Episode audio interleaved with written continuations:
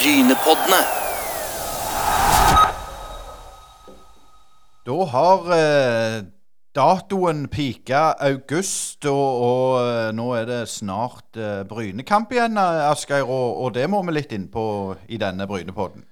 Ja, det går mot mørkere tider, som vi alle gleder oss over, Øystein. Eh, Snart er det slutt ute. Men eh, Bryne Start, ja. Det er jo en eh, Eller Start Bryne. Start Bryne, det er jo en klassiker. Så vi ser fram til den. Og vi skal høre litt eh, om ståa på Sørlandet, skal vi ikke det? Jo, vi skal ha Paul Rikardsen, så en eh, Få litt oppdateringer i, i, eh, fra start der. Han spilte jo midtstopper bl.a. med Jan Halvor Halvorsen, så det skal bli spennende å høre hva han har å fortelle. Og, og så skal vi òg få Hans Øyvind Sagen i Bryne. Og da skal iallfall jeg spørre om stadionplanene.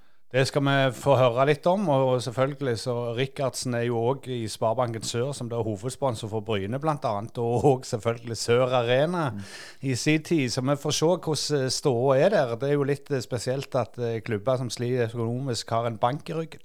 Det er det. Men tar, vi ringer til Paul, vi, så hører vi. Ja, vi sa vi skulle innom litt Start og litt Paul Rikardsen. Og, og, og Paul eh, han har vi fått med oss på telefon. Og, og det som er litt interessant med deg, Paul, at, at du har vært i tollvesenet i 25 år. Og, du har gått ifra å være toller til å være synder, da. Ja, før, før var jeg begge deler.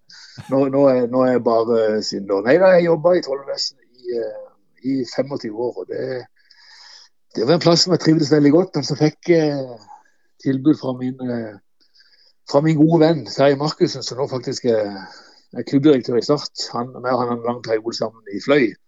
Han var sportslig leder, og jeg var trener. Eh, om jeg kunne tenke meg å bli leder av en nystarta cup på Sørlandet. og Det, som da het Plussbank Cup. Men etter fusjon med Sparebanken Sør, så ble det Sørcup fra 2014. Så der var jeg daglig leder i 10-11 år. Før jeg nå er markedssjef i Sparebanken Sør. Så det, det er en, det er en veldig, veldig, veldig utrolig merkelig karrierevei. Men, men du har jo òg en, en flott karriere på fotballbanen. Du har jo bl.a. spilt midtstopper med Jan Halvor Halvorsen, som vi kjenner til. Fortell litt om, om, om, om, om det. Hvorfor ble det fotball, og, og hvor god ble du egentlig? Jeg, jeg, jeg vokste opp ute på, på ei øy ut forbi eh, Kristiansand som heter Flekkerøya. Forresten eh, verdens fineste sted. Uh, og da eh, og liksom Der var det, det var ingen som trodde at de var gode nok til å kunne spille, å kunne spille i byen. Men så fikk vi en trener som hadde spilt i Don i, i den gangs tredjedivisjon. Og han mente at jeg var såpass god at jeg burde prøve meg i Don. Så tenkte jeg ja vel, jeg får gjøre det. Og så hadde jeg spilt der noen år, og så, og så fikk jeg jammen meg tilbudet ifra storklubben eh, Start. Og det var i Første gang jeg var i 1985. Eh, men da møtte jeg tilfeldigvis Bryne på et kunstgress på Holviga i Grimstad. Så der røyk jeg tre år av karrieren. Jeg møtte Ulf Moen i en kamp. Akkurat. eh, Det var jo, men det var jo den tida kunst... nå, nå, nå, nå, er, er, jeg- langt ute på viddene, altså. Men, men altså, han, han det, var, si sånn, det var min feil, for han fikk frispark, men det ble ødelagt. Ja.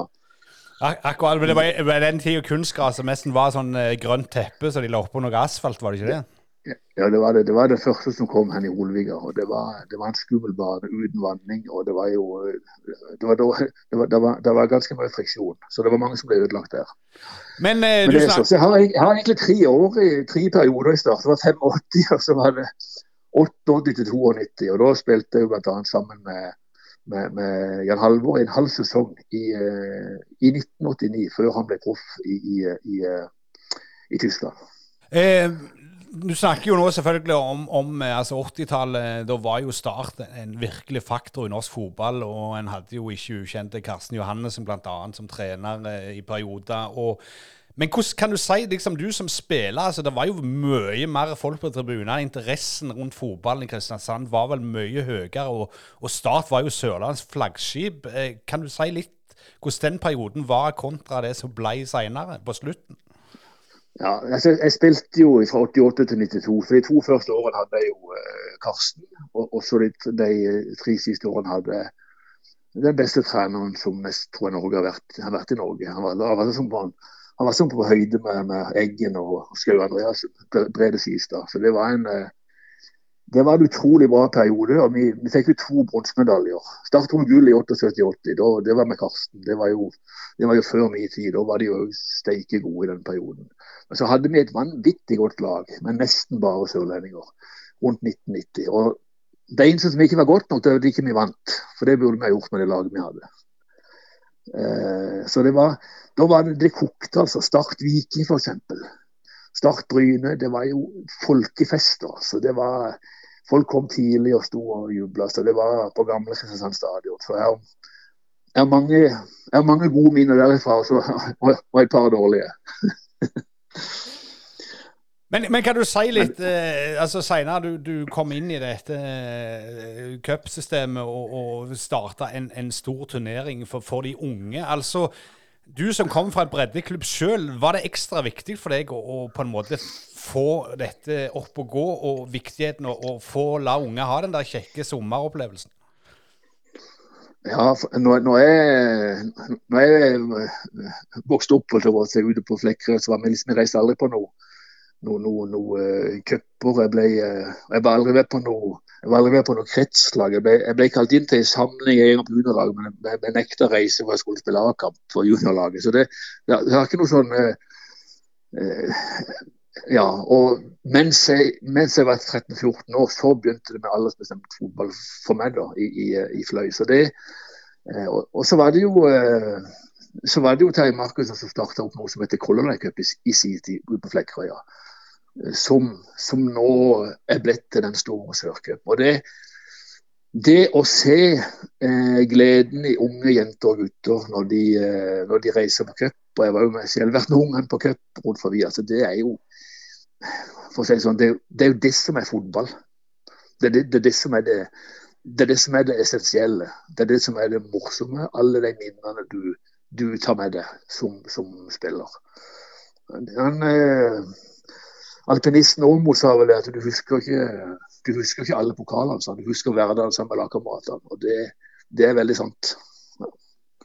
Men når det gjelder A-laget til Start i dag, og, ja. og, og etter, etter, du ga deg med, med seg, så har det jo gått, gått, uten å si noe stygt, voldsomt opp og ned. og Hvorfor klarer ikke, sånn som du ser det, Start holde et stabilt toppnivå Altså, de hadde jo en, de hadde, de hadde en opptur med Tom Nordli i 2005 med sølv. Men, men, etter det, etter 1992 når vi tok bronse, så, så, har de vært opp og ned og fram og tilbake i alminnelige tider. Men jeg tror det har noe å gjøre med, med stabilitet og, og, tålmodighet. Og selvfølgelig så må det være et dyktig lederskap. Og Det har vært altfor mye utskiftninger i, i startsystemet. Eh, for å si sånn, altfor mange spillere som etter min mening har blitt avskrevet for tidlig.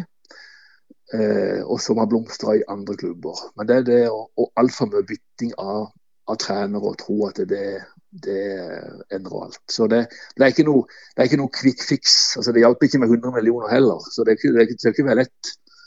Men, men, eh, men, jeg har faktisk litt tro på at nok en gang på at starten nå er iallfall på en vei som er mer riktig enn det har vært de siste årene. Det har jeg tro på. Men du som er litt rundt i, i forbindelse med banken, altså Sparebanken Sør, som da eh, har jo bredd seg ganske godt ut av, av det som tradisjonelle Agder-fylkene. Men, men, altså, ja. når, når du får en sånn effekt som, som Jerv, da, som, som, selvfølgelig har det tøft i, i øverste divisjon, men altså, eh, hva gjorde det med kristiansanderne at plutselig et Grimstad-lag liksom gikk opp i øverste nivå? Nei, for mange så mange, så mange så var det veldig vondt liksom, for, forbigått av, av, av Jerv. Altså, nå, nå, er vi, nå er vi heldigvis en veldig stor sponsor til de òg, da. men, men for, for, å svare på spørsmålet litt, så, så, var det vondt for, for, veldig mange. Men etter hvert, sånn, sånn folk som tenker seg om, så vi, Start blir ikke bedre av ikke unne andre suksess. Det tror jeg er veldig viktig. Vi må, vi må heie vi må heie på sørlandsfotballen, vi må heie på andre lag. Og så eh, Det var jo sånn som eh, Vidar var jo nesten forbi Viking et år eh, på min tid. Det var jo sånn, hadde ikke, det var jo den berømmelige kvaliken i 88 med Bryne involvert. og straffegreia til han Alf Kåre Tveit, som kanskje det er for unge til å huske, jeg vet ikke hvor gammel dere er, men det var iallfall veldig dramatisk. Ja. Det var jo aldri straffe. Arild Ravndal. Ja. ja. Men, men altså, iallfall så, så, eh, så, så eh, Hvis Jerv klarer å holde seg i den uh, eliteserien, så, så, skal jeg uh, nesten gå herfra til Grimstad. Altså, for det er en utrolig prestasjon. Og I enkelte kamper så har de jo vist at de, at de henger med. Så vi må, ikke, vi må heie på Jerv. Er det er min holdning. ja. Litt tilbake til, til, ditt virke i bankvesenet. For det er klart du ser, Nå har jo Sparebanken Sør Arena redda eller Sparebanken Sør redda Start. Du har eh, SR-Bank Arena i, i, i, Viking. Ja, du kan nevne i fleng. Ja. Eh, eh, men, men, det er liksom, du, du, sier 100 millioner i Start var ikke nok. Men, men hva er det som gjør denne enorme pengesløseri i, i, i, norsk fotball, særlig på, på, på 90- og, og, litt i tidlig 2000-tall. Du var jo inne på det, men er det så dårlig lederskap? Jeg skal ikke si at det er bare det. Det, det er også litt eh, tilfeldigheter. Men, men, det har vært for lett, tror jeg, å, å tro at, eh, at, vi, at, vi, kjøper den og den spilleren og, og gir han så og så mye lønn, så, så, så løser alt seg.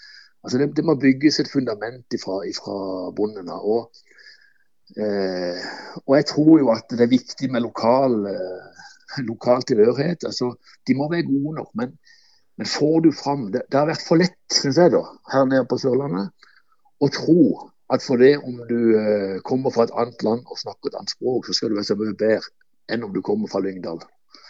Eh, vi, vi må ta vare på de emnene vi har. Eh, nå ble jeg veldig sånn nostalgisk. men jeg tenke, kan vi bare tenke på de som jeg spilte sammen med. Det var Pål Lydersen og Klaus Eftevåg.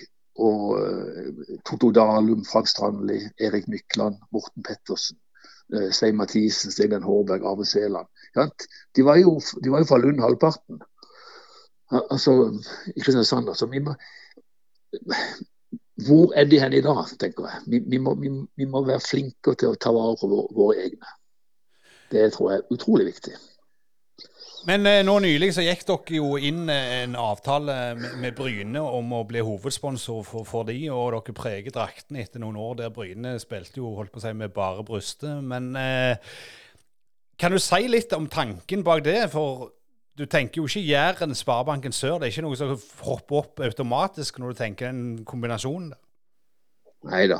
Men, men, men, det, er sånn eh, Nå har banken kontorer fra eh, Sandefjord i øst til, til, til, Bryne i vest. Og Vi er jo veldig inne i eh, ja, Vi har jo Jerv, selvfølgelig. Og så har du jo eh, ØIF Aredal. Og så er du på Runar i Sandefjord. Og Så tenkte vi at vi må ha et flaggskip eh, også, også vest. Og da har vi, eh, ikke tilfeldigvis, men vi har jo et eh, for ikke veldig mange år siden starta opp med et, eh, med et, kontor på Bryne. Og Derfor var det naturlig for oss. Vi skal, vi skal, være med og er, Sparebanken er jo todelt. Du skal støtte gode initiativ, du skal støtte, nærings, du skal støtte kultur, du skal støtte idrett, du skal støtte, eh, du skal støtte foreninger og du skal støtte lag frivillig arbeid. Og Da var det naturlig for oss å tenke at Og i tillegg så har vi selvfølgelig eh, skal vi øke markedsverdien i de områdene vi er i. Og Da tenkte vi at det å gå inn i Bryne, som er Jærens desiderte flaggskip og har stort nedslagsfelt, det ville være en god idé. Og det, også når i tillegg eh, ganske mange av de som jobber på Brynekontoret er glad i fotball, så syns jeg det var en god miks. Men, men, kan du si litt om og Har det skjedd noen endringer der i hvor mye eh, dere får på en måte tilbake med å engasjere dere i idretten? Eh, vi vet jo at Sparebankstiftelsene har jo vært kjente i nesten 100 år iallfall. Men, men altså eh, Er det noe sånn spesielt som gjør at dere skal gå inn i idretten? Og hvorfor går dere på en måte til, til de sånn som du sier, Bryne Start, Jerv, Runar? Eh, hvordan er dere kontra på en måte breddeklubber i, i denne eh, sammenhengen? Ja, jeg skulle si det. Hvis du, hvis du ser en uh, fotballkamp på Sørlandet, så Nå tar jeg lett godt i, men uh, det er ikke så veldig mange kamper som går uten Sør iallfall på, et, på et av de dagsettene.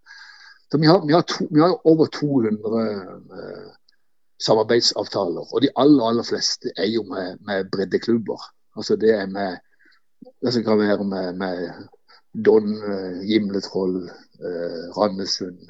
Ja, altså det er Vindbjart. Det er De aller, aller fleste pengene går jo til de små.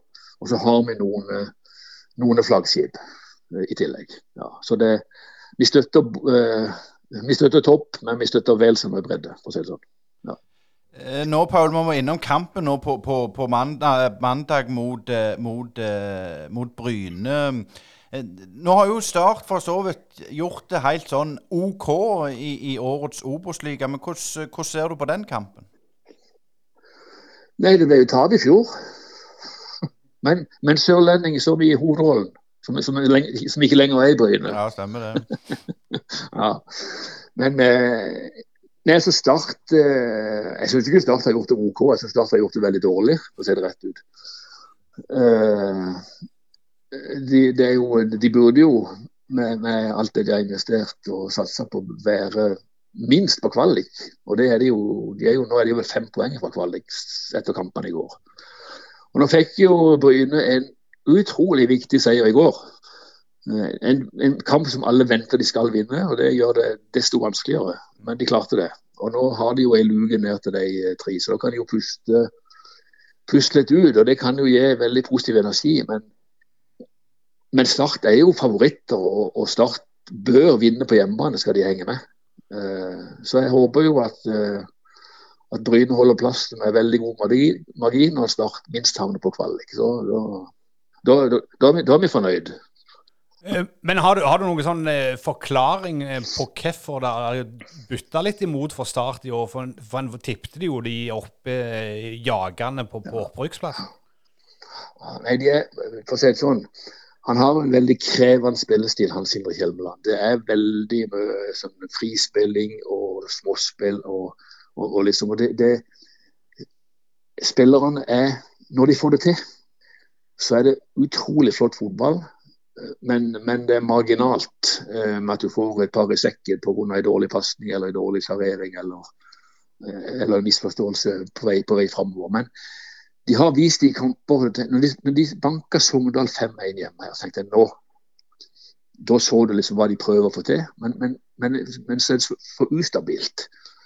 Eh, og så har han liksom ikke klart helt å spille inn en, en, en, en, en førsteelver. Noe som jeg tror har ført til at uh, spillere har begynt å bli litt, uh, litt usikre. Det er ikke sånn at folk skal ha klippekort. Men hvis du hele tida bytter og herjer og liksom er litt usikker på om du er god nok eller ikke god nok, så tror jeg det har en negativ, uh, negativ effekt. Men jeg, men jeg, tror det holdt jeg på å si, Hadde jeg visst, svaret, så hadde jeg sikkert vært trener i dag. Men, men, så, så, jeg skal ikke påstå at jeg har fasiten. Men Eh, men det er det med, med, med, stabiliteten og, og, eh, stadig skiftinger og stadig nye spillere ut og inn, som ikke er heldig, tror jeg. De må, tenke, de må, de må tenke at den gjengen vi har nå, den skal vi satse på. Den er god nok. Og, og, så får vi, og jeg tror at det har de et bedre resultat enn litt sånn famling fram og tilbake. Eh, det, ja, det var bra at du stilte opp til i Brynepodden, eh, Paul Rikardsen. Og vi må jo anbefale alle til å komme på Sparebanken Sør Arena og se fotball eh, på eh, Obos-nivå. Og tusen takk, så får vi si lykke til med start. Ja. Du har ikke tid til historie med Jan Halvor, eller? Nei. Det har jeg. Ja. Nei, altså, i, eh, i, Vi trente jo sammen i, i, eh, i starthallen. Det var, der var det sånn styrkerom. Og han var jo en, han var jo en tøffing, Halvor. Altså, meg og han var midtstopper. Det var jo jeg, jeg, jeg, jeg er jo sånn gammeldags midtstopper som jeg var, god til å, jeg, var god til å ødelegge. Og fikk noen kort også, men han var, han var jo ikke bedre. Men da, da var det, i den styrkerommet så var det, så var det en ribbevegg. Og så sa han Paul, ta fatt i beina mine, sa han. Ja vel. Eh, så drar du meg ut i 90 eh, grader ut fra veggen, og så, send, og, så, og så, gir du fart, og så sender du meg inn i ribbeveggen. Ja vel. Ja, han, skulle, han, skulle herde kropp, han skulle herde kroppen før, før sesongstarten.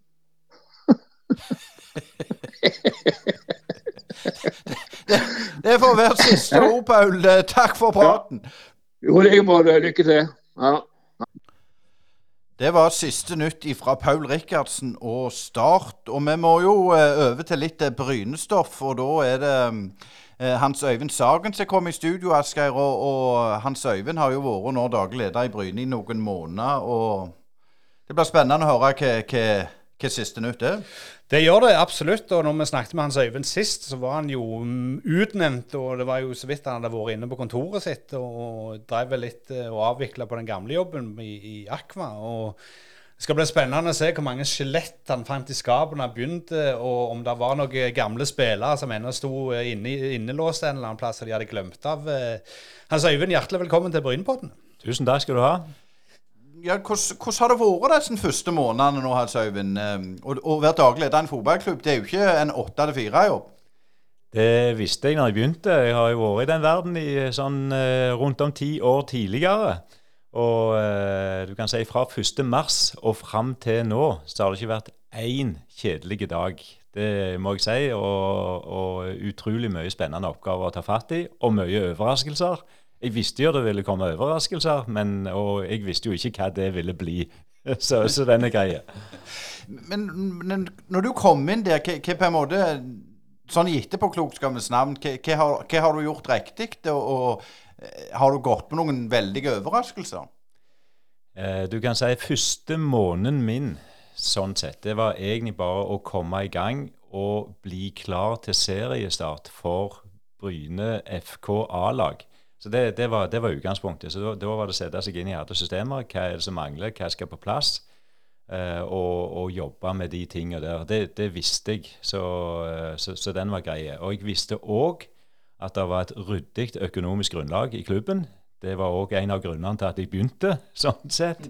Så, så, det, så det, det, er gode greier, og litt underliggende verdier i forhold til at det er, det er et stadionområde, tomteområde, som er spennende. Og det var en spiller som i den tida skulle gjerne bli solgt, som nå har blitt uh, lyseblå i, borte i Manchester. Det er òg sånne underliggende verdier, så alt det visste jeg lå der. Så for min del så var det sånn Så lenge vi har dette som, uh, som grunnlag, så er det et godt grunnlag for å bygge videre på det vi har. Så, uh, så der var vi. Første måneden, full fres, ble klar, klar til seriestart. Derifra få hodet litt over, over vannskorpa, og så begynne å ta fatt i de forskjellige aktivitetsområdene som Bryne har store ambisjoner innenfor.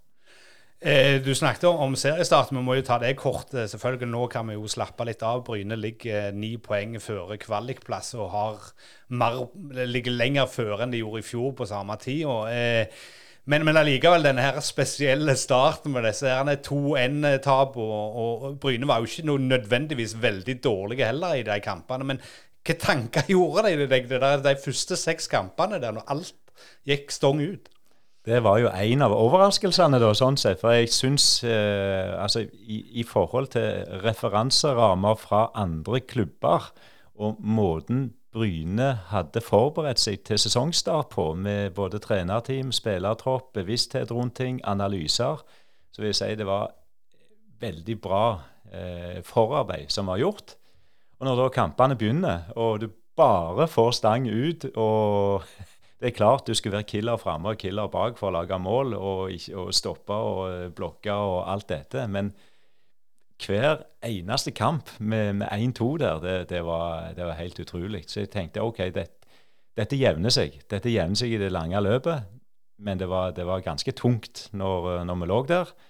Og de, eh, det, som er kjekt, vil jeg si, når, når han er på det, nivået der, eller har resultater som går imot motgang, det er at da det er da det egentlig viser hvem er det som står opp, hvor er vi henne. Så det, jeg så jo ganske fort at her er det eh, mye bra materiale, og det var tøffe tryner som sto i det, og klarte faktisk å holde de sportslige prestasjonene, kan man si, eller nivået, inngangen til kampene, høyt oppe, sjøl etter sjette kamp på rad med tap, der han da gikk inn i den syvende og endelig vant. Det, det syns jeg det står stor respekt av fra, fra trenerteam og spillerne og alle rundt for at en klarte det.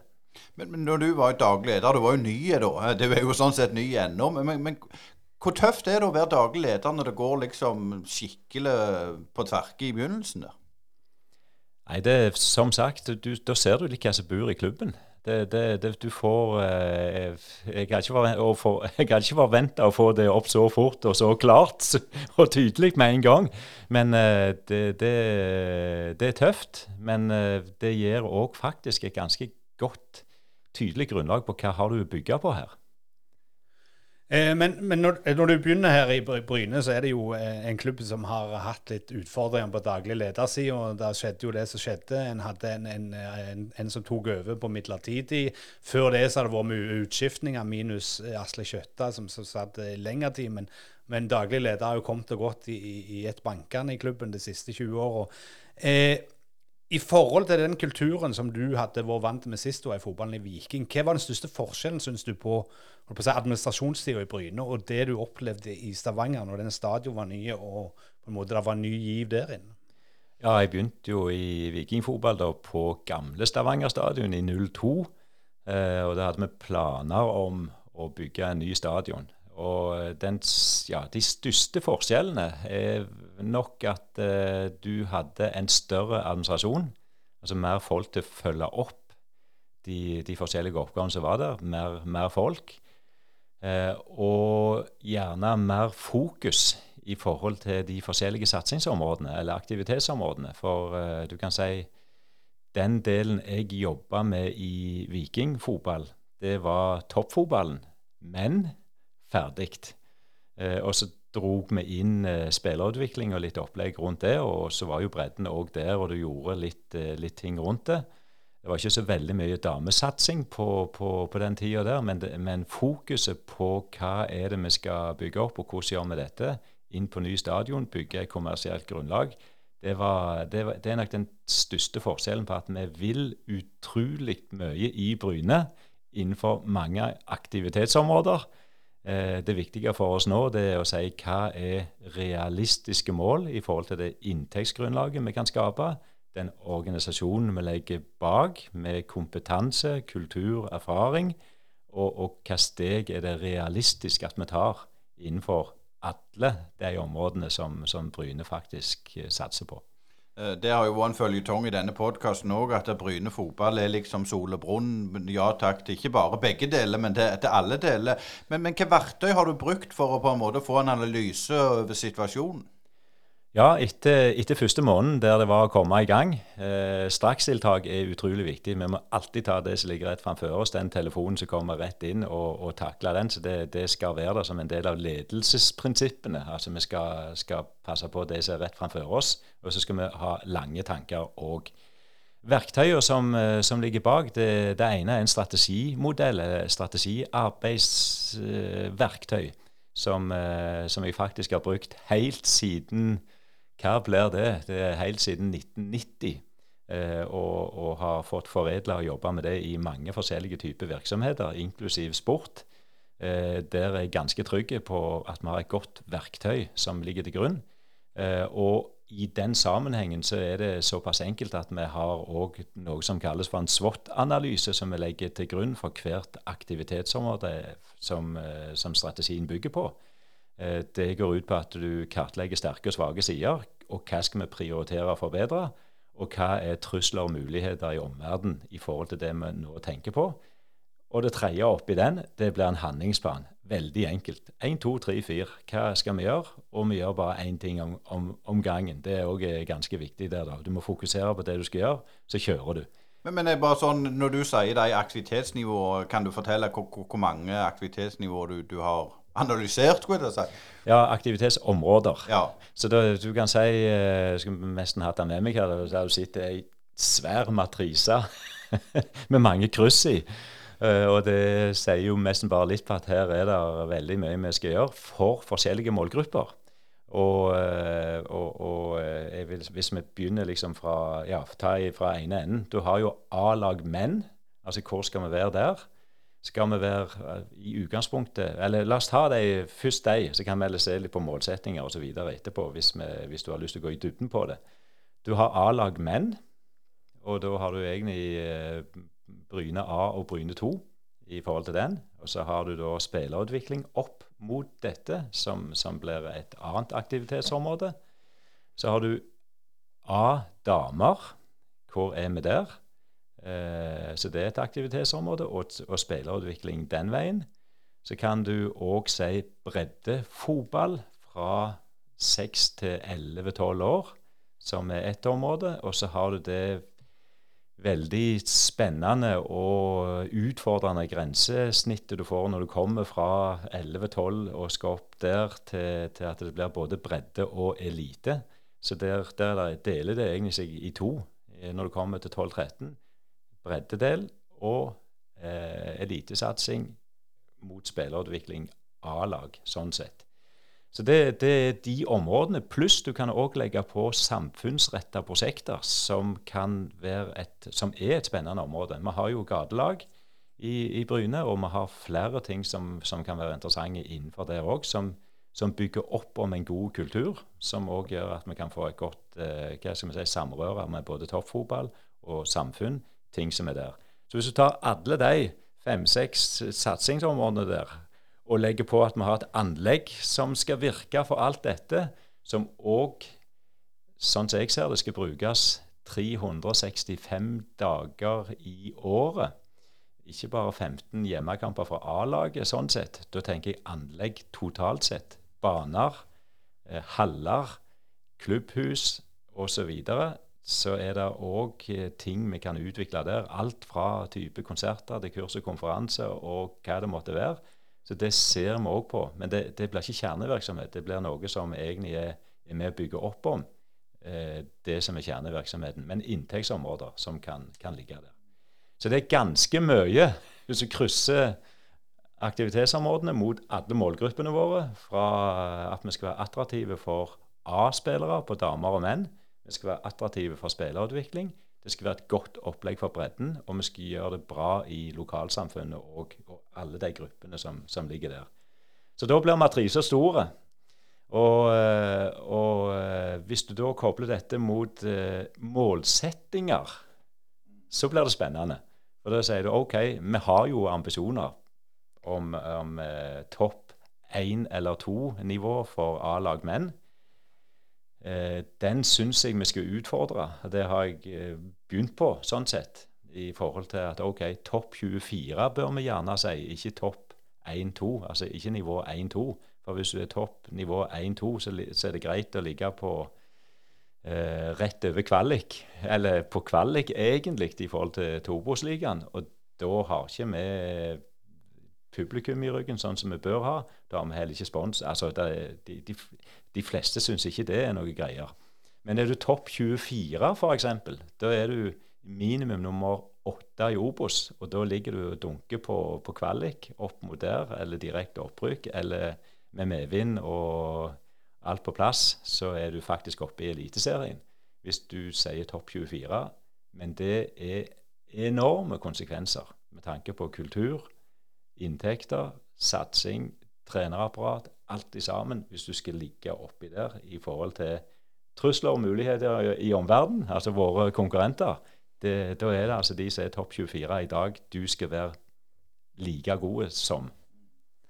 Men, men er det lett Nå sier jeg menn hele veien her, Øystein. Men er det lett å gå i den fella at du prøver å kopiere andre i plassen for å finne en unik modell som kanskje kunne fungert for Bryne. At du må gjøre noe helt annerledes for å nullstille ting og endre ting. Du har det klassiske idrettseksempelet med Team Sky i sykkel, som gjorde noe helt nytt, og som ble verdens beste sykkellag, som er bygd ut av den olympiske satsingen til, til England. Og de, de, hadde jo et, et, eh, et, opplegg der de satte en sportsplan som gikk ti år fram i tid, og, og det var noen milepæler, noen vektinger underveis det er ganske lett, og, og, ikke lett, men det er ganske enkelt å legge en strategiplan, og så blir den lagt litt i skuffe, og så driver vi på sånn som før. Det er jo en klassisk gjenganger i mye av norsk idrettsliv og, og fotball, selv om du har noen ting som Bodø f.eks., som ja. gjorde noe nytt.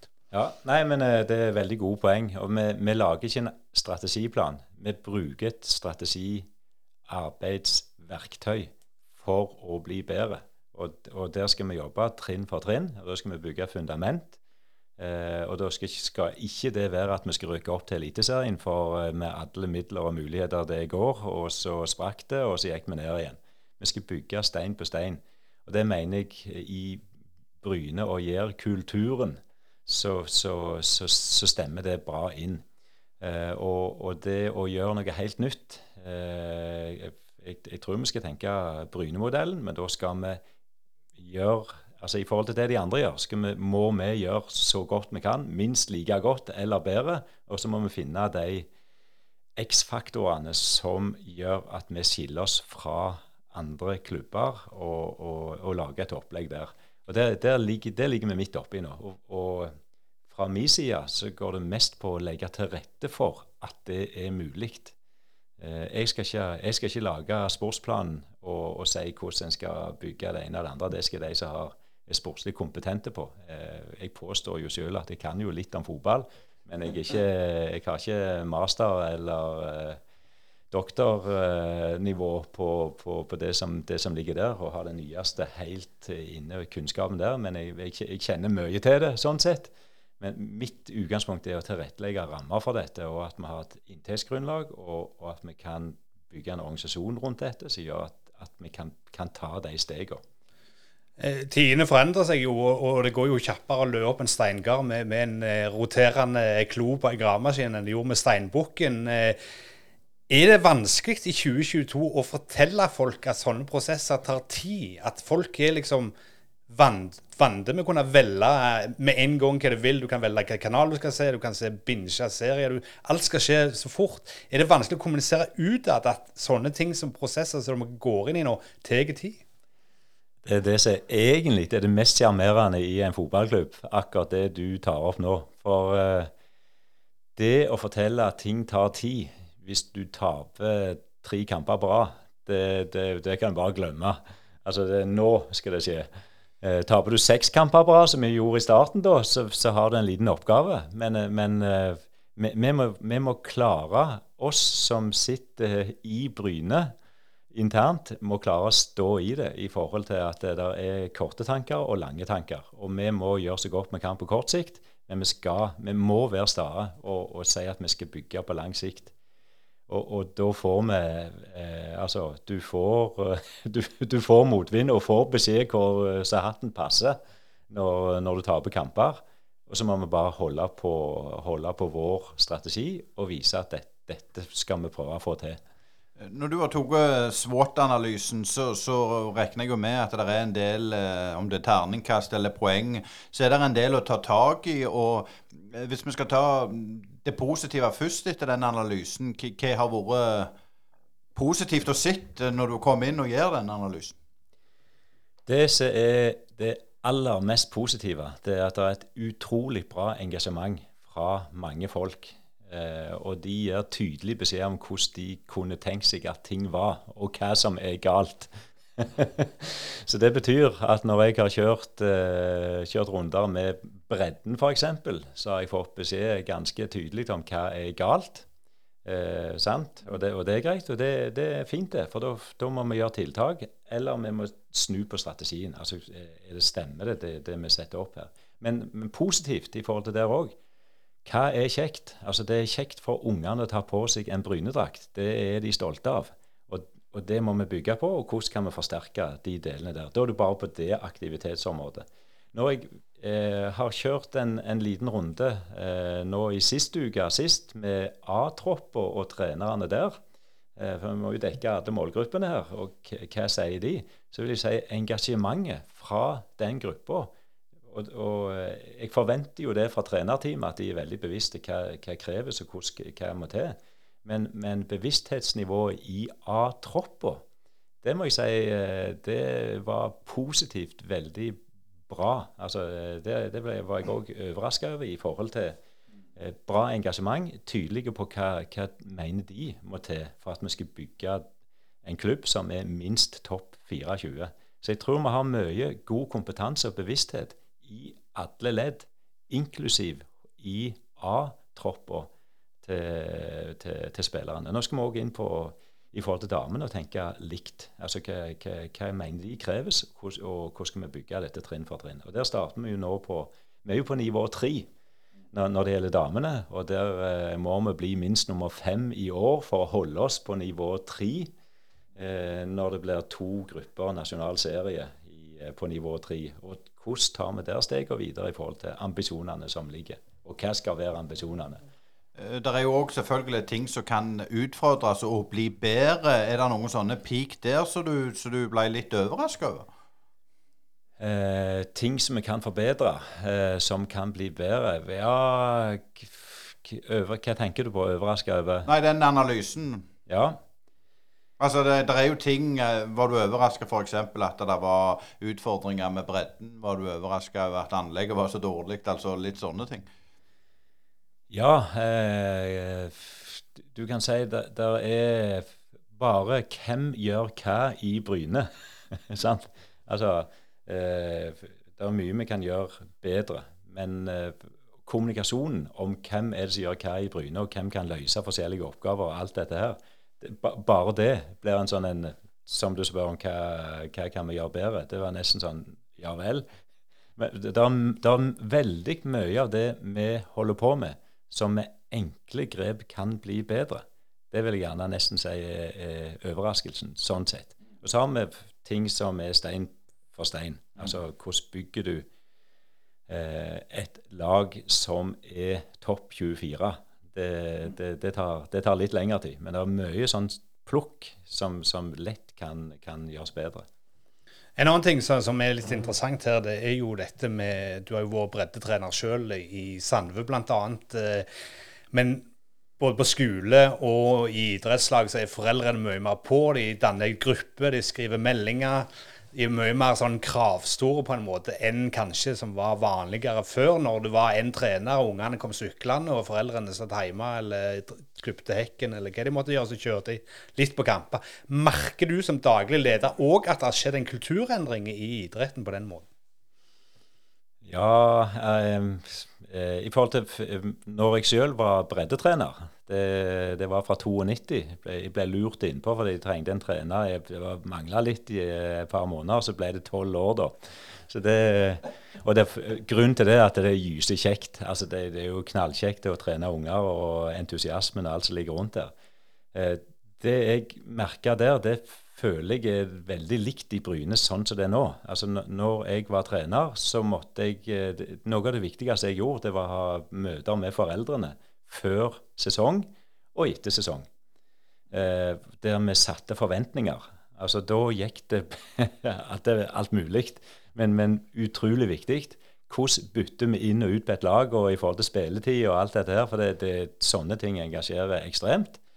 Da hadde jeg et opplegg og, og forklarte det, hva det gikk i. Og så sa jeg òg at eh, hvis noen av dere har lyst til å kommentere på dette, eller har lyst under kamp til å, gjøre noe med dette, så er det helt greit.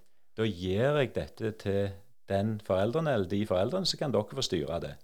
For det, det er helt greit. Da kan jeg være trener, så tar dere ut lag og tar inn og ut. Og jeg, da fikk jeg veldig sjelden kommentarer på, på hvordan det var. Eh, og det samme med kjøring på bortekamper. Da, eh, det var gjerne ikke så veldig miljøvennlig, men jeg sa at dere foreldre styrer dette sjøl. Jeg, jeg eh, driver med laget, og hvordan dette skal være, så styrer dere bortekampene på kjøring. Da blir det veldig mye foreldre på bortekamper, for de, de ordna seg jo ikke seg imellom. Vi fikk masse publikum der. Så det var jo kjekt, da. Det var kjekt for ungene òg i, i den tida. Men små ting i forhold til forventningsavklaringer eh, ser jeg som utrolig viktig når vi er på bredden og, og går videre, og, når du kommer på toppnivå. Altså hva, er, hva kan du forvente av treneren, av oppmannen her, av de som er rundt, og de som styrer, og dugnad osv., og, og hvorfor? Det er Vi må jobbe mye med den kommunikasjonen, faktisk. Nå har jo eh, Sandnes Ulf skilt ut bredden fra, fra toppfotballen. Top Viking er jo inne med sitt akademi som, som går så det griner. Eh, er det vanskelig for en klubb som Bryne, som har et mål om å være som du sier, topp 24, eller det skal bli et mål, eh, er det vanskelig å, å stå litt i den spagaten at det er på en måte 100 breddeklubb og en eliteklubb? Eh, du bruker jo ordet spagaten der, og det er jo et, eh, en veldig god beskrivelse. sånn sett. Hvis du skal bli, bli god i noe, så må du ha fokus. Altså, eh, Med mindre der er ingen konkurranse og ingen andre kommer på å holde på med det du holder på med. Men sånn er det ikke i fotball. Skal vi være gode i bredde, så må, vi fokusere på det. Og da skal vi gjerne fokusere på Bryne og omegn her. Hvordan får vi flest mulig unger til å spille fotball lengst mulig? Og da er det gjerne ikke bare i Bryne, men da har du Rosseland og Kåsen og Hognest og, og klubbene rundt. Hvordan får vi flest mulig til å holde på lengst mulig? Hvordan får vi de som er ivrige til å trene, til å faktisk få muligheten til å trene mye? Eh, ref, eh, noen kan bli avskrevne når de er 14-15, men så blomstrer de allikevel når de blir litt eldre. Og, og da har du både elitesatsing, ivrig trening og breddetrening. Hvordan kan vi legge til rette for dette i området, tror jeg vi skal tenke. Så det, og så skal vi prøve å ikke stå i spagaten når vi kommer gjennom den tunnelen der i sammen med klubbene som er rundt, som er utrolig viktige både for Bryne og for, for området her. Alle klubbene er viktige. Og da må vi ha et godt samarbeid, en god kommunikasjon på det. For hvem, hvem er hvor, og hvordan skal vi gjøre dette? Og, og jeg mener òg det, det, har jo kommet innspill på nå har den og den spilleren gått fra eh, junior eh, Bryne til A-lag Varhaug eller et eller annet sånt. Det er bra, det. Hvis vi har, har klart å få utvikle en spiller som har lyst til å spille på A Varhaug eller Nærbø eller hvor det måtte være, så er det glimrende. Hvis han fortsatt spiller, så er det glimrende.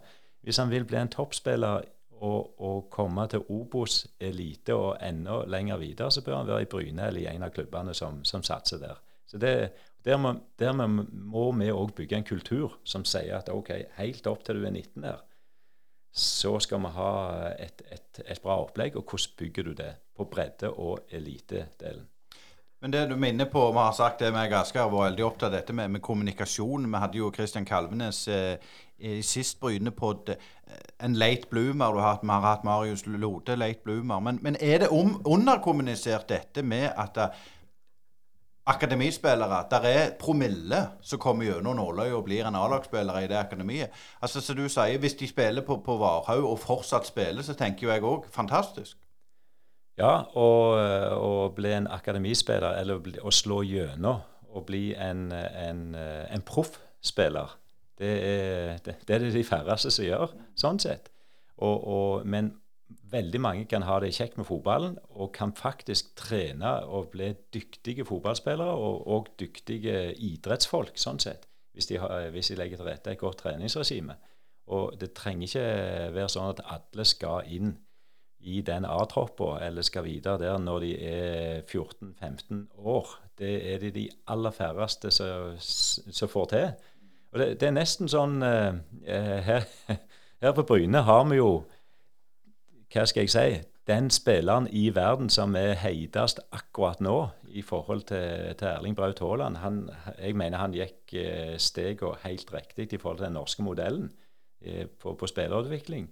Gikk, eh, gikk gjennom Bryne i forhold til aldersbestemte lag, var oppe på, på A-lag, gikk til Molde eliteserie, og så steg for steg videre derifra. Eh, jeg tenker det er en utrolig fin vei å gå, men han er én i verden av eh, mange hundre millioner fotballspillere som, eh, som, har den drømmen der. Og han har slått igjennom, og han kommer altså herifra. Men det betyr ikke at eh, alle gjør det. Altså, det, det, det, er ikke sånn det er. Men, men, du kan komme et stykke på vei, og du kan trene og ha det veldig kjekt med, med fotballen. Men, men, når du er 15, så har du mange tusen treningstimer igjen før du har potensialet ditt. Du nevner eh, breddeklubbene i, omegn her. og Det har jo vært historisk en del sjau mellom Bryne og, og breddeklubbene, der kanskje Bryne har på en måte vært eh, den, den, gamle, gamle bautaen som, som, har oppført seg litt sånn eh, hovent overfor de andre klubbene. Er det noe du kommer til å endre i den kommunikasjonen du har ut mot disse Lye, Hognest, Kåsen osv.? Jeg håper, håper, vi kan ha en god eh, kommunikasjon med de. De er gode klubber, veldrevne klubber. Vi har mye å lære av de.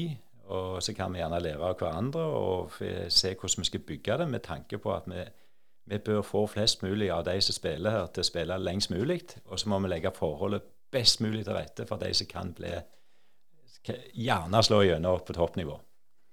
Eh, nå går tida i godt lag her, Hans Øyvind, og jeg har lyst eh, å gå inn på litt sånn stadionutfordringer. for det er klart, eh, når du skal spille fotball, så må du ha en plass å gjøre det på. Og fasilitetene, med all respekt, er, er vel ikke en Obos-ligaklubb verdig. Fortell litt om status der. Ja, nå er vel ba, Banedekket er vel nummer én i forhold til å spille fotball. Og Der får vi mye skryt, faktisk, at vi, vi ligger på, på toppnivå der. Men hvis vi da går utfor dølinga på banen og, og, så videre, så har vi vel eh, Bryne har den første VIP-loungen som ble bygd på en fotballstadion i Norge. Og nå er det den eldste, sånn sett. Den er faktisk nesten sånn vi må ta vare på. Hva, hvordan skal vi gjøre dette når vi bygger videre? Så det, så det, men da havner vi langt inn på den kommersielle sida, og, og, det er jo viktig. Men, men når vi bygger stadion videre nå, så først og fremst så er det ikke jeg som skal gå i dybden på alle søknadsprosesser og alt som ligger inni der. Der har vi veldig flinke folk som er med oss og gjør, både på styrenivå, med Ottar Eide som styreleder og Lars Enevoldsen som er med som prosjektleder for mye av det vi gjør. Eh, men jeg tenker eh, for oss så er det to, to, eller for meg så er det to, to ting som er utrolig viktig når vi, når vi, bygger stadion videre. Det ene er at vi bygger kjerneproduktet eh, i forhold til treningsfasiliteter og kampfasiliteter. Altså hva trenger vi av baner, banedekke, fotballspesifikke styrketrening eh, og alt som ligger rundt, restitusjon, hvordan vi bygger alt på, på den sida der. Hva kan vi legge til rette på vårt stadionanlegg, og gjerne med de vi har rundt oss. Hvordan får vi til den? Og nummer to det er at vi må bygge et, et stadionanlegg som kan brukes syv dager i uka, 365, eh, 365 dager i uka i året. Eh, 365 da, dager i uka i året. Det var vel litt gale. 365 dager. Eh, det, det, og, kan koke det ned til mye, iallfall. veldig mye. Men, men, poenget der er at vi må ha et anlegg som òg kaster av seg med tanke på at vi kan bruke dette, sånn at vi bygger inntektsgrunnlaget som vi trenger. For jeg tror at med alle de ambisjonene vi har nå, og det som, når jeg har tatt denne matrisen med aktivitetsområdene, så må vi gå opp fra rundt 30 millioner i inntekter i året opp til 50-60. Det hørte dette gjerne folk av pinnen, men altså vi har damer, menn, bredde, spillerutvikling, anlegg som skal brukes på, på fornuftig vis. Da må vi, må vi, opp der. Og det anlegget og den stadion som vi utvikler, må, må tilrettelegges for at det skal være mulig. Så det, det, er viktig for meg. Så den sportslige fundamentet og den kommersielle delen, at vi legger det til rette best mulig i, i, i det som kommer der. Og så har vi de flinke folka som skal være med å kjøre opp eh, rammene rundt, eh, rundt en stadion. Det er litt interessant å, å høre om, om, status på, på, på teamet. For, for, du leder jo ei gruppe som er nye alle sammen. altså Kevin og Mikkel er nye. Du og Bjørn er nye. Styrelederen er nye eh, hvordan har det vært, liksom? Og, føler du det var litt sånn der en blanke ark og prøve altså, å tegne ting opp fra nytt, eller var det en del maler som allerede var lagt for deg når dere begynte?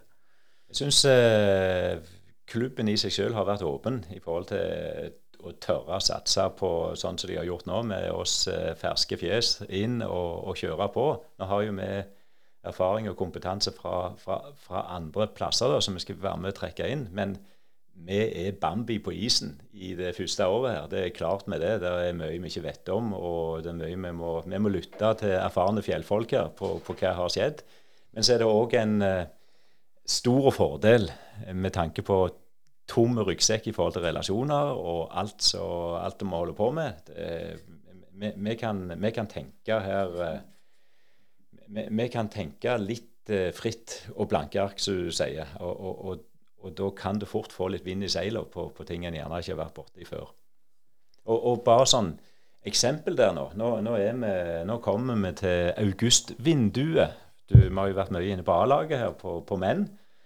Og, og, eh, og, hvordan legger vi det til rette nå i forhold til bygge spillertropp mot 2023, eh, høsten? Nå er vi heldigvis oppe der vi er nå, så, så dette er litt mer hvilepuls i forhold til de første seks kampene og litt sånt. Så, så, så hvordan skal vi nå tenke totalen? Så der, eh, der vil vi òg ta noen raske initiativer nå.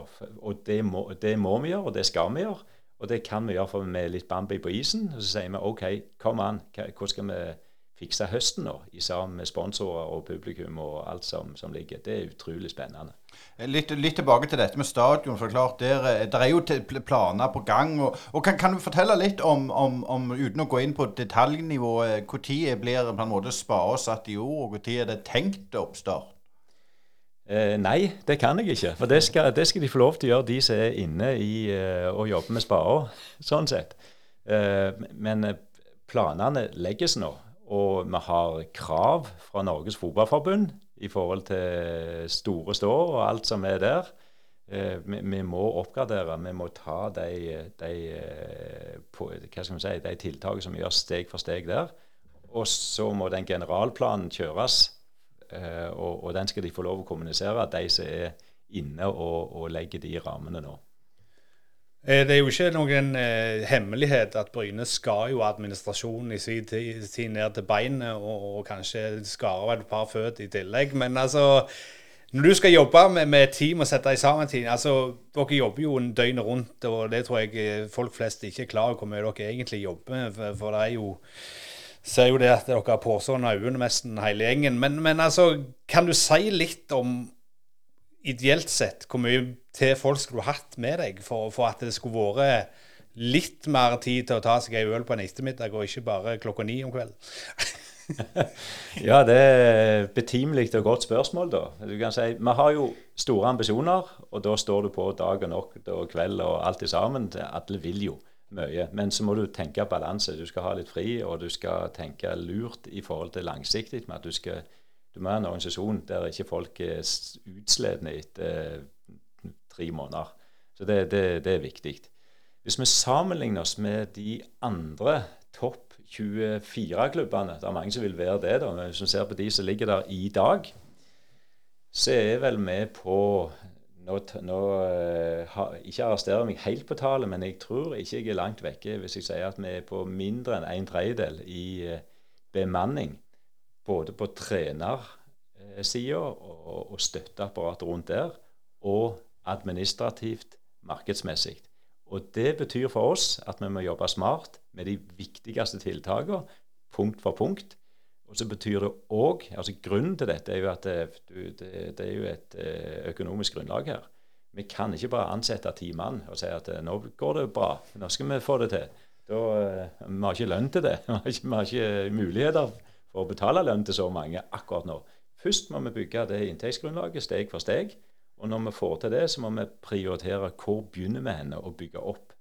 Og Da må vi tenke balanse på det sportslige produktet, for der er vi vi altså I forhold til akademiklassifisering og alle klubbene, vi har jo fått en, en oversikt over de, så ligger vi blant de tre-fire nederste klubbene i, for, den, eh, i forhold til hvor mye folk de har på den, eh, den her sportslige sida, så er det nesten sånn eksponentialfunksjon opp mot de, de som har mest, som ligger på 30 pluss folk bare der, mens vi ligger nede på 4, 5, 6. Og Det samme er det administrativt. Så hvor mye klarer vi og bør vi bygge opp sportslig nå? Og hva skal vi òg ta markedsmessig, administrativt, mens, og, og, gjøre dette i balanse med at vi har faktisk penger inn. Eh, vi skal ikke gå fortere enn det vi har penger inn. Det, det er utrolig viktig. Og så må vi gjøre alt vi kan for å få penger inn fort. Og legge et godt grunnlag for de som, har, de som vil være med og investere i oss. Men, men, du snakker om akademiklassifisering. Bryne dypte jo på en måte tåa inn i dette her nye som alle snakker om for tida i, i, fjor. Og, og, det var jo naturlig årsak at da var de tilbake i Obos og har en, på en måte en rettighet og, og kan begynne med dette. Eh, nivå to, fase to, innebærer jo ganske mye mer penger enn en fase én gjør. Eh, hvordan, er status på det per i dag? Er det Bryne klart slag på for, for, for, for B? Ja, Når du sier nivå eller fase, så tenker du på stjernene. Ja. Altså Du, du får én uh, til fem stjerner. og Vi, har, vi fikk én stjerne i fjor. Uh, den har vi oppnådd, og da er vi inne i akademiklassifiseringssystemet og, og følger eh, norsk toppfotball sitt opplegg på, på den sida. Eh, det er egentlig ganske langt fram til to stjerner. Og, og, og det er en prioritet hos oss at vi skal gå i den retningen. Men Fotballforbundet, eller Norsk Toppfotball, som, som, styrer akkurat den delen der, de var nok eh, greie i, i, fjor og fikk oss, fikk oss godt innpå. Og så må vi, må vi, ta litt mer rev i seilet for å få den andre stjerna. Den får vi ikke i år, for å si det på den måten. Vi må jobbe systematisk med å bygge dette opp for å få to stjerner. Og så er det ikke å få fire-fem stjerner for enhver pris. Vi må tenke Bryne-modellen, og hva, det, hva, er det, beste akademiet vi kan bygge opp for å få dette til. Det fikk vel litt skudd for baugen at Alexander Midtsian eh, hoppet av og gikk til Sandnes Ulf. Eh, men jeg har lyst litt til det du nevner. Hvis, hvis en skal opprettholde satsinga, og det er en ønske, så må en opp fra 30 til 60 millioner, bare for å ta røflige tall. Er det da bærekraftig? Det er jo spørsmål én. Og spørsmål to, hadde en da, hvis en sier kutt ut bredden eh, jentesatsing og sagt Klepp skulle ta den bredden for Rossland og Kåsen ta seg av. Hadde en da spart penger til å opprettholde ei større satsing rundt A-laget, eller er det òg inntektsgrunnlag på de aktivitetsnivåene der? Eh, det, der er inntektsgrunnlag på de, og det er kapasitet som blir bundet opp i forhold til, til de forskjellige områdene. Og eh, når vi har eh, lekt med tallene her og sett bare på damesatsingen og ser på de som er topp 20 i dag altså hvis, hvis vi skal være på nivå 1 eller 2 i, i forhold til damer, så er det altså ti, ti lag i hver divisjon. Da skal du opp til de. Og hvis vi ser på, på hva skal vi si, snittet for en, en gjennomsnittlig god klubb der, så ligger du på 10-12 millioner i inntekter.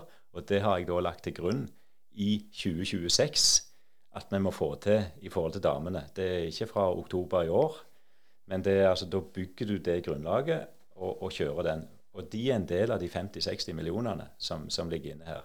Du kan si du skal bruke tid og fokus for å bygge opp dette. Og Det tror jeg vi skal gjøre, men det får vi jo se på i forhold til strategien som legges. Jeg tror vi har et godt grunnlag i forhold til det. Men det, det, det vil jo òg bety at du, du, må ha fokus på det òg. Og du må ha noen som har 100% fokus for å få til den. Du får det ikke til ellers. Eh, dere har jo lagt en, en, eller lansert en idé som heter Bryne i 100, som går jo fram mot 2026, da Bryne markerer 100-årsjubileum. Eh, det handler ikke om, om tempo på banen, selv om det er sikkert noen som tror det òg. Men, men, altså, kan du si litt om hva det innebærer? Og en vet jo tidligere at klubben har gått høyt på banen og sagt vi skal være i du sa jo det at dere skal være i topp 24, men, men, er det noen andre ting som ligger inne i dette systemet som gjør at eh, ting blir annerledes den gangen det har vært før, når han har gått rett opp, og så har han nesten konka seg, og så er det tilbake igjen til å skrape sammen de som kan spille fotball fra Lyngdal til, til, til Skudesnes? Ja, det er jo eh, for det første topp 24, sier jeg nå. Og så må dette prøves ut i sammen med både styret og årsmøtet, og hva konsekvenser det har. For det, det er gjerne eh, en, en, en forskjell som, som, jeg har blitt fortalt, iallfall, i, i forhold til måten vi gjør det på. Det er ikke målet i seg sjøl, men hva krever det? Hva betyr det å være topp 24 på, på A-lag menn? Eh, da må vi legge til rette for en satsing, en organisasjon, et sportslig produkt, en spillertropp, et, et, opplegg her som, som, gjør at vi kommer dertil. Og, og eh, hvis da den strategien går ut på at vi skal, skal dope oss med å hive innpå noen spillere her i, i hytt og vær som koster ganske mye, og så har vi ikke helt inntektsgrunnlag for det, så stemmer ikke det i den strategien. Altså, Vi skal bygge dette på en sånn måte at hvis det tar to år lenger, til 2028, så, så gjør vi det. Men, men, men, vi skal legge et grunnlag som ikke skal være en sånn eh, korthus som dette etter første vindkastet. Vi må bygge et inntektsgrunnlag og en organisasjon som stemmer i forhold til de målsetningene. Så den, eh, det inntektsgrunnlaget og den organisasjonen er egentlig det som er viktig oppi dette. Og så skal vi nå målet som, som ligger der. Ikke sette et mål og bare springe. Altså det, det, det, er måten vi skal nå det på, som er, er utrolig viktig.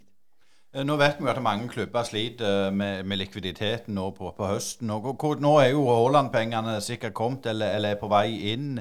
Hvordan er grunnen den økonomiske situasjonen i klubben?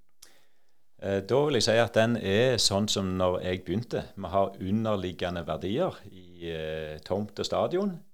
og i Haaland-penger osv. Hvordan en skal løse dette med tanke på at en har likvider, og, de likvidene skal vi bruke på rette måten med tanke på langsiktige effekter for klubben. Det er ikke å hive innpå og kjøre opp en spiller fra en eller annen plass som, skal, eh, som fikk fem millioner i lønn. Det, ikke, det, det, er altså ikke det vi skal gjøre. Men, men eh, det er liksom når jeg begynte. Så vi har underliggende verdier, og så diskuterer vi nå i forhold til eh, Det blir et grensesnitt, kan du si.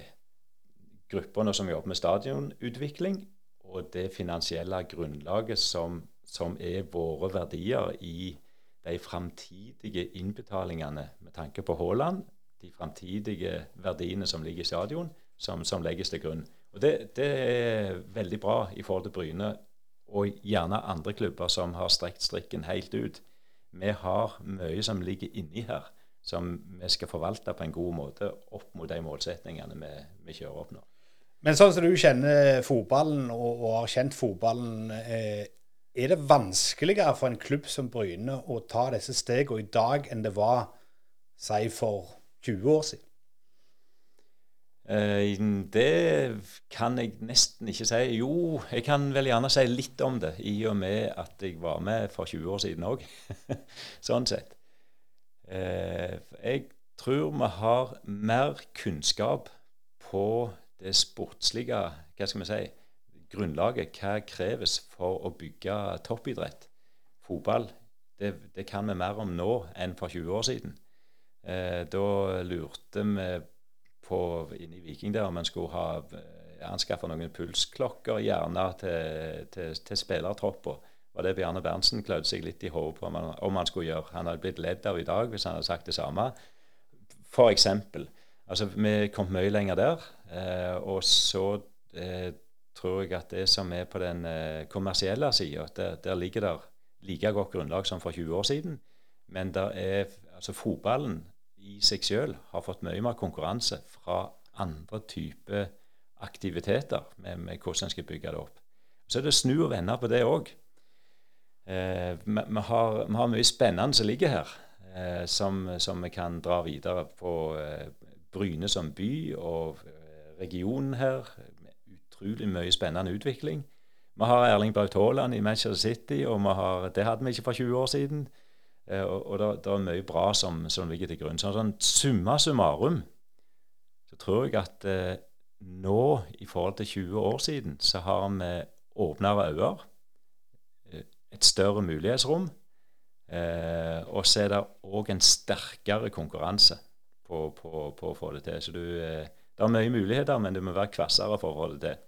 Uh, til, helt til slutt, eh, Hans Øyvind. Nå hørte vi at Paul Rikardsen i, i, i uh, Start, eller i Sparebanken Sør, uh, tidligere startspiller, nevner at de, de sponser mye. og Sparebanken Sør er jo hovedsponsor til Bryne. Og, og nå er det jo Start på, på, på, mandag. og Skal du ned og se, forresten? Vi er ei gruppe som reiser på søndag. Søndag morgen da skal vi ned til Utsikten hotell. Da er det ei sponsorgruppe og litt folk som, som, er med i forhold til den. Så Da er det full fres der. Og så er det videre ned til, til Kristiansand på, eh, på mandagen. Ta en liten, en liten omvisning og inspirasjon på, på, på Sør Arena. Ser eh, hvordan det ligger an der før det blir kamp, og hjem på mandag kvelden. Så vi håper at vi kan ha like god stemning i, når vi sitter på bussen hjem der, som det var etter startkampen her på, på Bryne stadion for ei, for, for ei liten tid siden. Tusen takk for du tok deg tid til, til Brynepodden i en hver, eh, travel hverdag. Hans Øyvind Sagen, tusen takk. Brynepodden, eh, lyden av spurt litt dypere, er slutt for i dag. Tips oss gjerne med gjester vi kan ha. Det setter vi stor pris på. Og ikke minst uh, følg oss på våre sosiale medier. Og, og lik oss på Facebook, uh, YouTube, Twitter, Instagram og LinkedIn. Uh, det er viktig for oss å få tilbakemeldinger og få flere følgere, for da er det lettere å få sponsorer der ute. og det var det vi, vi hadde. Og, og, igjen oppfordringer til å følge oss på våre sosiale medier. Det er viktig. Uh, vi takker Hans Øyvind Sagen og Paul Rikardsson for uh, de var med i denne Bryne-podkasten. Og vi er tilbake neste uke og på gjenhør. Brynepoddene.